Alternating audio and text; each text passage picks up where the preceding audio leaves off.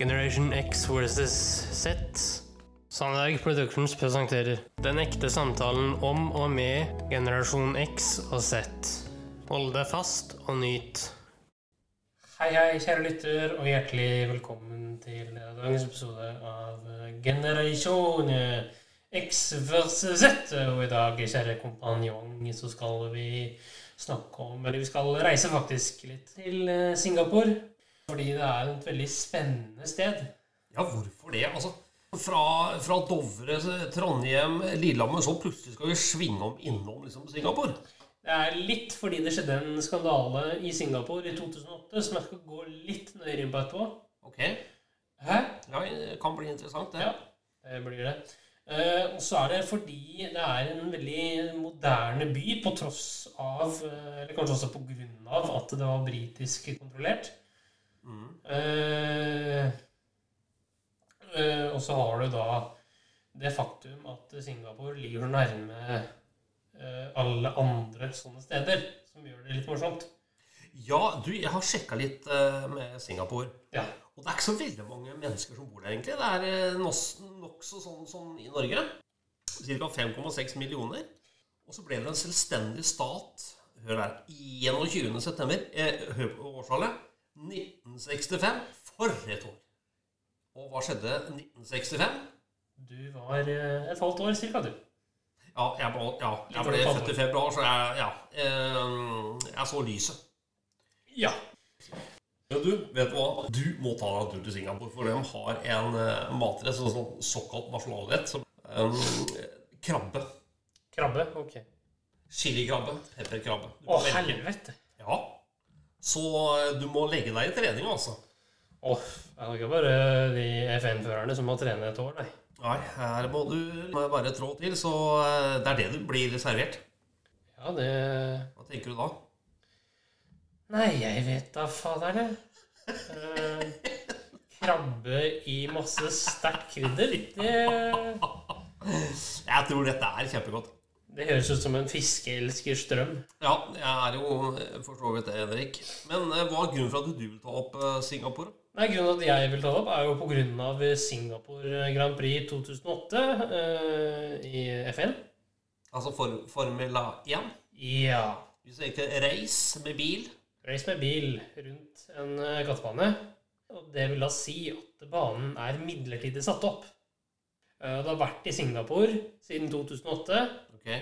Uh, og det morsomste her er jo omstendighetene rundt hvem som var vinneren av det løpet. I 2008? Riktig. Hvem var det, da? Det var gamlefar det sjæl, det. Det var Fernando Alonso. Nei, var det Alonso, herr eh, mister Alonso? Ja. For den som følger med på Formel 1, så holder han faktisk koken anna. Han gjør det. I en alder av 42 per 2023. Og det er unikt i den sammenhengen. Ja. Eh, og det morsomste var at han vant eh, som følge av at lagkameraten krasja. Det sies at eh, han gjorde det med vilje for å gi Alonso seieren. Ja, spill? Ja. Mest sannsynlig, da. Mellom Renault-teamet, som det den gang var, uten Alonso informert, av en eller annen bisarr grunn. Men hvem var han, da? Han som krasja? Nelson Piquet jr. Oh, okay. Ja. uh, og det er jo da sønnen til Nelson Piquet, som er svigerfar til Max Verstappen. Ja, Max Verstappen er han som er verdensmester nå, PT, og ser ut til å bli verdensmester i, nå også, i 2023. Riktig. Uh, så det som skjedde der, det var at den som var eh, sporting director og CEO, avtalte tydeligvis da med herr Piquet jr. at du skal krasje og forårsake en safety car. Uh, for de som ikke vet hva det er, så er det en bil som kjører ut på banen når uh, det skjer uforutsette ting, og det blir skrapelser på banen, eller noen har brutt eller krasja. da tilfellet her, det er en bil som da må samle opp feltet for å kvitte seg da, med eventuelle eh, hindringer. Ja, så man starter nesten på nytt, ja. Ja, man måtte jo det. Man måtte starte på nytt, og da satte man en rekkefølge, tydeligvis, da, som gikk i favør Alonso. Som da førte til at han vant fra 15. startposisjon. Ok. Men hva vet du om Singapore? da? Ja, det jeg vet om Singapore, det er at man eh, har ikke lov til å ha med seg tyggegummi inn. Altså, tyggegummi er forbudt. Ja. Hvis du smugler eh, narkotika i Singapore, Ja, så dauer du. Ja du blir eh, kverka. Ja, du får dødsstraff. Ja, men hallo. Sånn er det jo alle land, egentlig, som har det. Så får du, eh, du får bøter hvis du spytter på gata. Ja. Altså offentlige steder. Ja. Og hvis du røyker på offentlige steder, får du også bøter. Så det er knalltøft eh, der, altså. ja. Det er jo også da, sikkert en bot for offentlig urinering. Å ja, den tror jeg er ganske skyhøy. Og så vet jeg sånn ikke prisene. Vet du? Henrik? Overnatte der, eh, kjøpe ting, eh, gå på restauranter eh, Nei, Hvis du skal det, så kan du egentlig bare være på flyplassen i Singapore. Ja, for Shanghai flyplass. Ja, Det er jo da verdens mest luksuriøse flyplass. Og verdens største, faktisk. Ja, riktig. Og det man kan si, da, at Singapore er en av verdens rensligste land. Og så, er det lite kriminalitet. Ja, men det går jo inn i hverandre, da. Ja, det gjør jo for så vidt det, altså. Men eh, når du ser på eh, temperaturen, Henrik Ja, Norge eh, er jo ko- kom si kom sa. ja i hvert fall på høsten, ja. Høsten, Ja, da, du liker ikke det, eller? Ja, ikke helt. Nei, ok. Men eh, på etter hvert sånt så er det utrolig jevn temperatur i Singapore. Ja, Og temperaturen ligger på mellom 23 til 32 grader. Jo, men tenk deg det hele året. ja egentlig, for jeg vil jo ikke ha is og snø og sånn drit. Nei, Eh, ikke jeg. Vet du hva eh, Singapore har som ikke vi har? Nei. Jo. Hør her, da. Eh, Du som er så opptatt av det å innføre ting i Norge. Mm. Nå skal du eh, få et lite tips.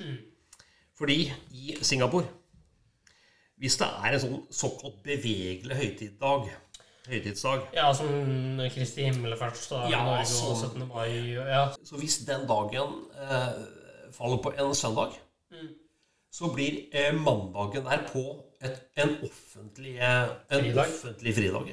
ja. Eh, Fikser bare- du det i Norge, eller? Jeg kan prøve det, ja. Eh, Første må jo bli 18. mai, da. At det blir en fridag. Men eh, gutten min, Mm. Altså, du er jo veldig opptatt av språk. Ja. Og jeg måtte jo sjekke opp hva de snakker som regel da i Singapore. Eh, engelsk er det offisielle språket. Ja. Det er liksom det som er greia. Men å kalle det det folkelige språket, da. Ja. Det er prega av engelsk. ja. Men det er liksom på et vis kortere og mer presist. Og så blir det kalt for ikke English, men Singlish. Eh, Blanding av eh, Singaporean og English. Ja, det er jo greit, det. Ja. Du har jo spanglish og mye sånne ting, da. ja. Eh, Og det er en blanding av spansk og engelsk. Ok. Så det er ikke helt uh, ute i det blå, liksom? Nei, det er det ikke. Ah, nei. Nei. Men hva betyr Singapore? Aner ikke. Aner ikke. Nei. Jeg sjekka det med. Mm. Det er fra gammelindisk. Ok, kult. Og Singa betyr løve, og Por byen. Så det er løvebyen. Mm. Ja, du har jo litt sånn i eh, Oslo, da. Du har jo det. Kaller jo Tigerstaden. Ja, av en eller annen merkelig grunn. Det er jo ikke noen tigre der, da.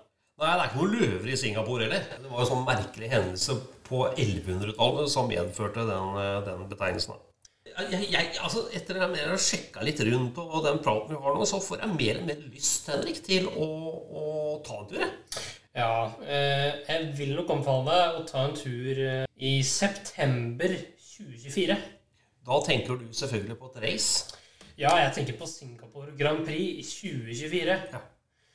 Det skal kjøres eh, i Marina Bay, eller på Marina Bay, da, eh, mellom 20. og 22. september. Ja, jeg skal legge inn lottokupongen, Henrik, så kanskje det blir noe mer flaks. Altså, ja, Vi kan gjerne ta en tur til Singapore, men eh, det er betingelsen, for å si det sånn. Eh, og med det så vil jeg egentlig bare dypdykke litt lenger ned i skandalen som kalles Crashgate, som fant sted Singapore Grand Prix 2008. Med Alonso. Yes! Vær så god. What if that night didn't happen? What if things were different? Can I do anything about it? Should I change the outcome? All these thoughts running through one man's mind in the year 2023 over something that happened 15 years earlier. Something that had nothing to do with the two main protagonists that year. Something that, to this day, remains one of the darkest moments in Formula One history.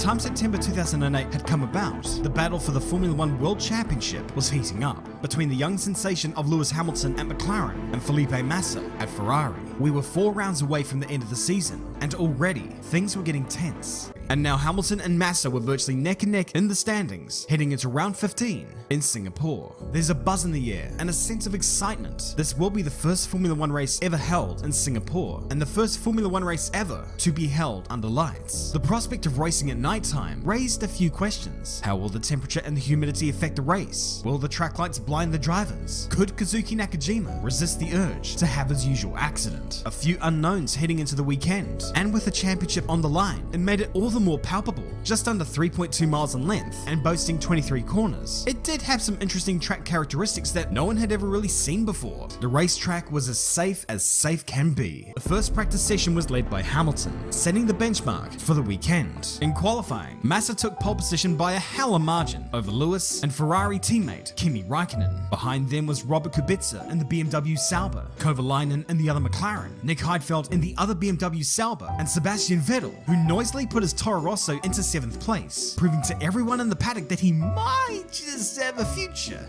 Just maybe. Where was Alonso in all of this? Well, he was down in 15th, his car having failed him. Race day.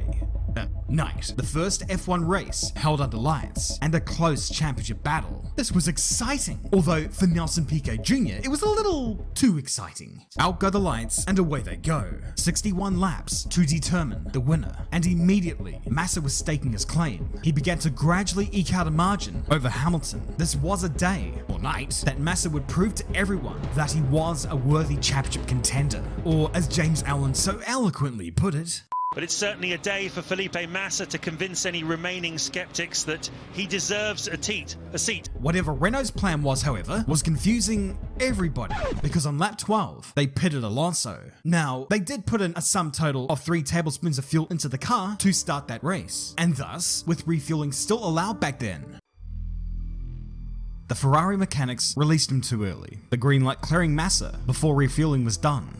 It's an irony, isn't it, that uh, without that fuel line falling off in qualifying and being backing 15th on the grid, forcing them to do an unusual strategy that worked perfectly when the safety car came out because the other Renault hit the wall, it's, uh, it's played into his hands. Either Martin knew exactly what was going on here, or Blood has seen way too many movies. There were actually more than a few that thought all of this was a bit fishy. But I mean, come on. No team would ever deliberately crash one of their cars just so the other one might have a sniff at victory. Midway through his contract, Nelson Piquet was dropped by Renault. It was a tumultuous end to the relationship, with both parties at each other's throats. Team boss Flavio Briatore criticizing Piquet for not getting enough points. Piquet retorted by claiming that Flav had eaten said point.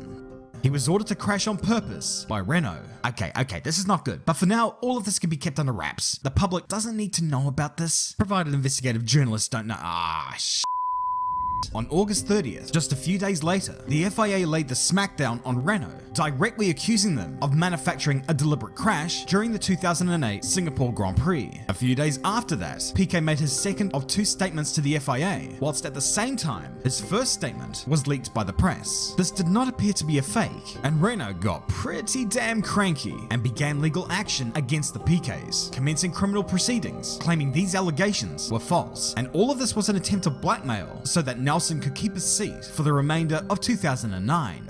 And Renault were handed the punishment a disqualification for the Renault team, suspended two years. So, in a roundabout way, they were on probation. They could continue on, as per usual, in the Formula One World Championship. But if they screw up one more time before 2011, one man's dream potentially destroyed by another man's desperation. We feel bad for Massa. We feel conflicted with Lewis. We feel indifferent with Nando. But the fact that we're still talking about this race, that it affected history, that it could still affect history, says it all. This incident that we call Crashgate truly did change Formula One. forever.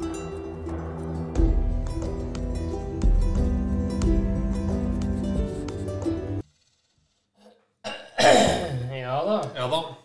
Eh, Det var et lite dypdykk det inn i eh, Crushgate-skandalen. Absolutt. Men skal vi avrunde med noe humor? Ja, det kan vi. Hva har du å tilby? Nei, I dag så har jeg litt sånn ting man ikke bør gjøre i bobil. Ok.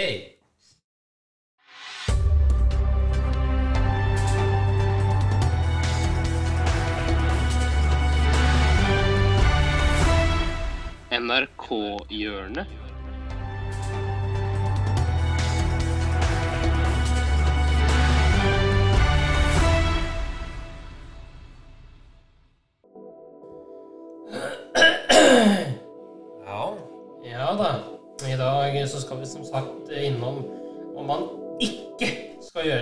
Gjøre når man kjører mobil.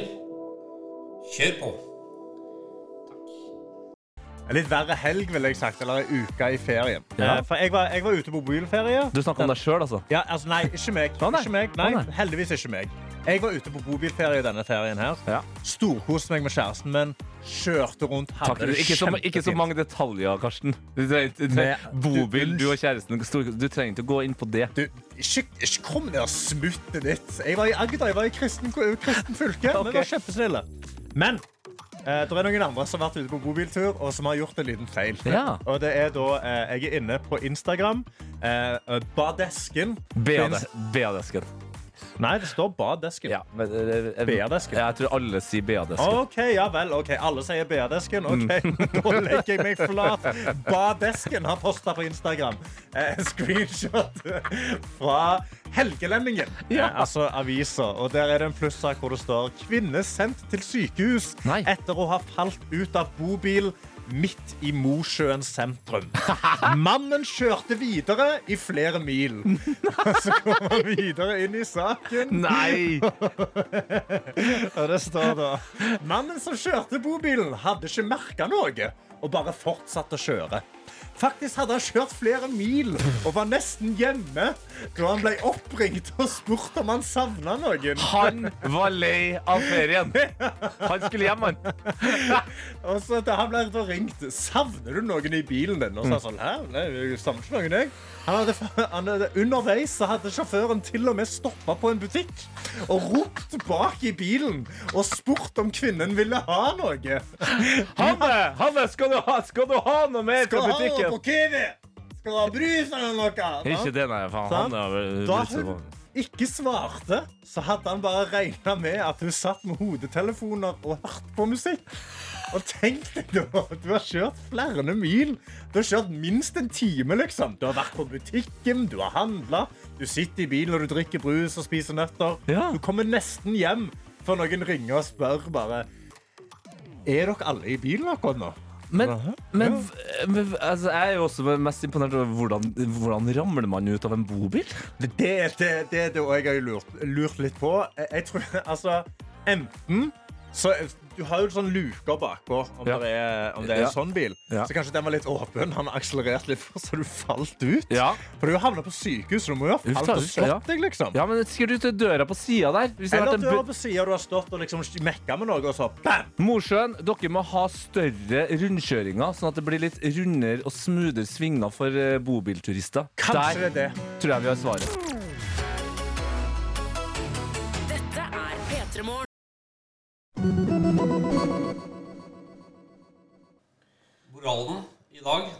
Slett vær forsiktig i bobil. Ja, ikke bare det, men også vær forsiktig med hva du gjør i Singapore. Eh, Ja, eh, ikke minst. eh, Det er strengere regler der enn det, det er i Norge, så, så pass på. Ja, eller enn de fleste andre steder i verden, bortsett fra arabiske land, da. Kan man si. Men uansett så er det viktig å nyte. Ja, og neste gang så skal vi snakke om en uh, veldig kjent person. En førsteklasses spritsmugler. yes. Vi kaller det for gulosten. Ja, det var det han ble kalt. Så da høres vi om en uke. Tusen takk for at du fulgte oss. Gi gjerne tilbakemelding, likes eller kommentar på Facebook-siden vår Generation X versus Z. Velkommen igjen til neste podkastepisode. Hei då.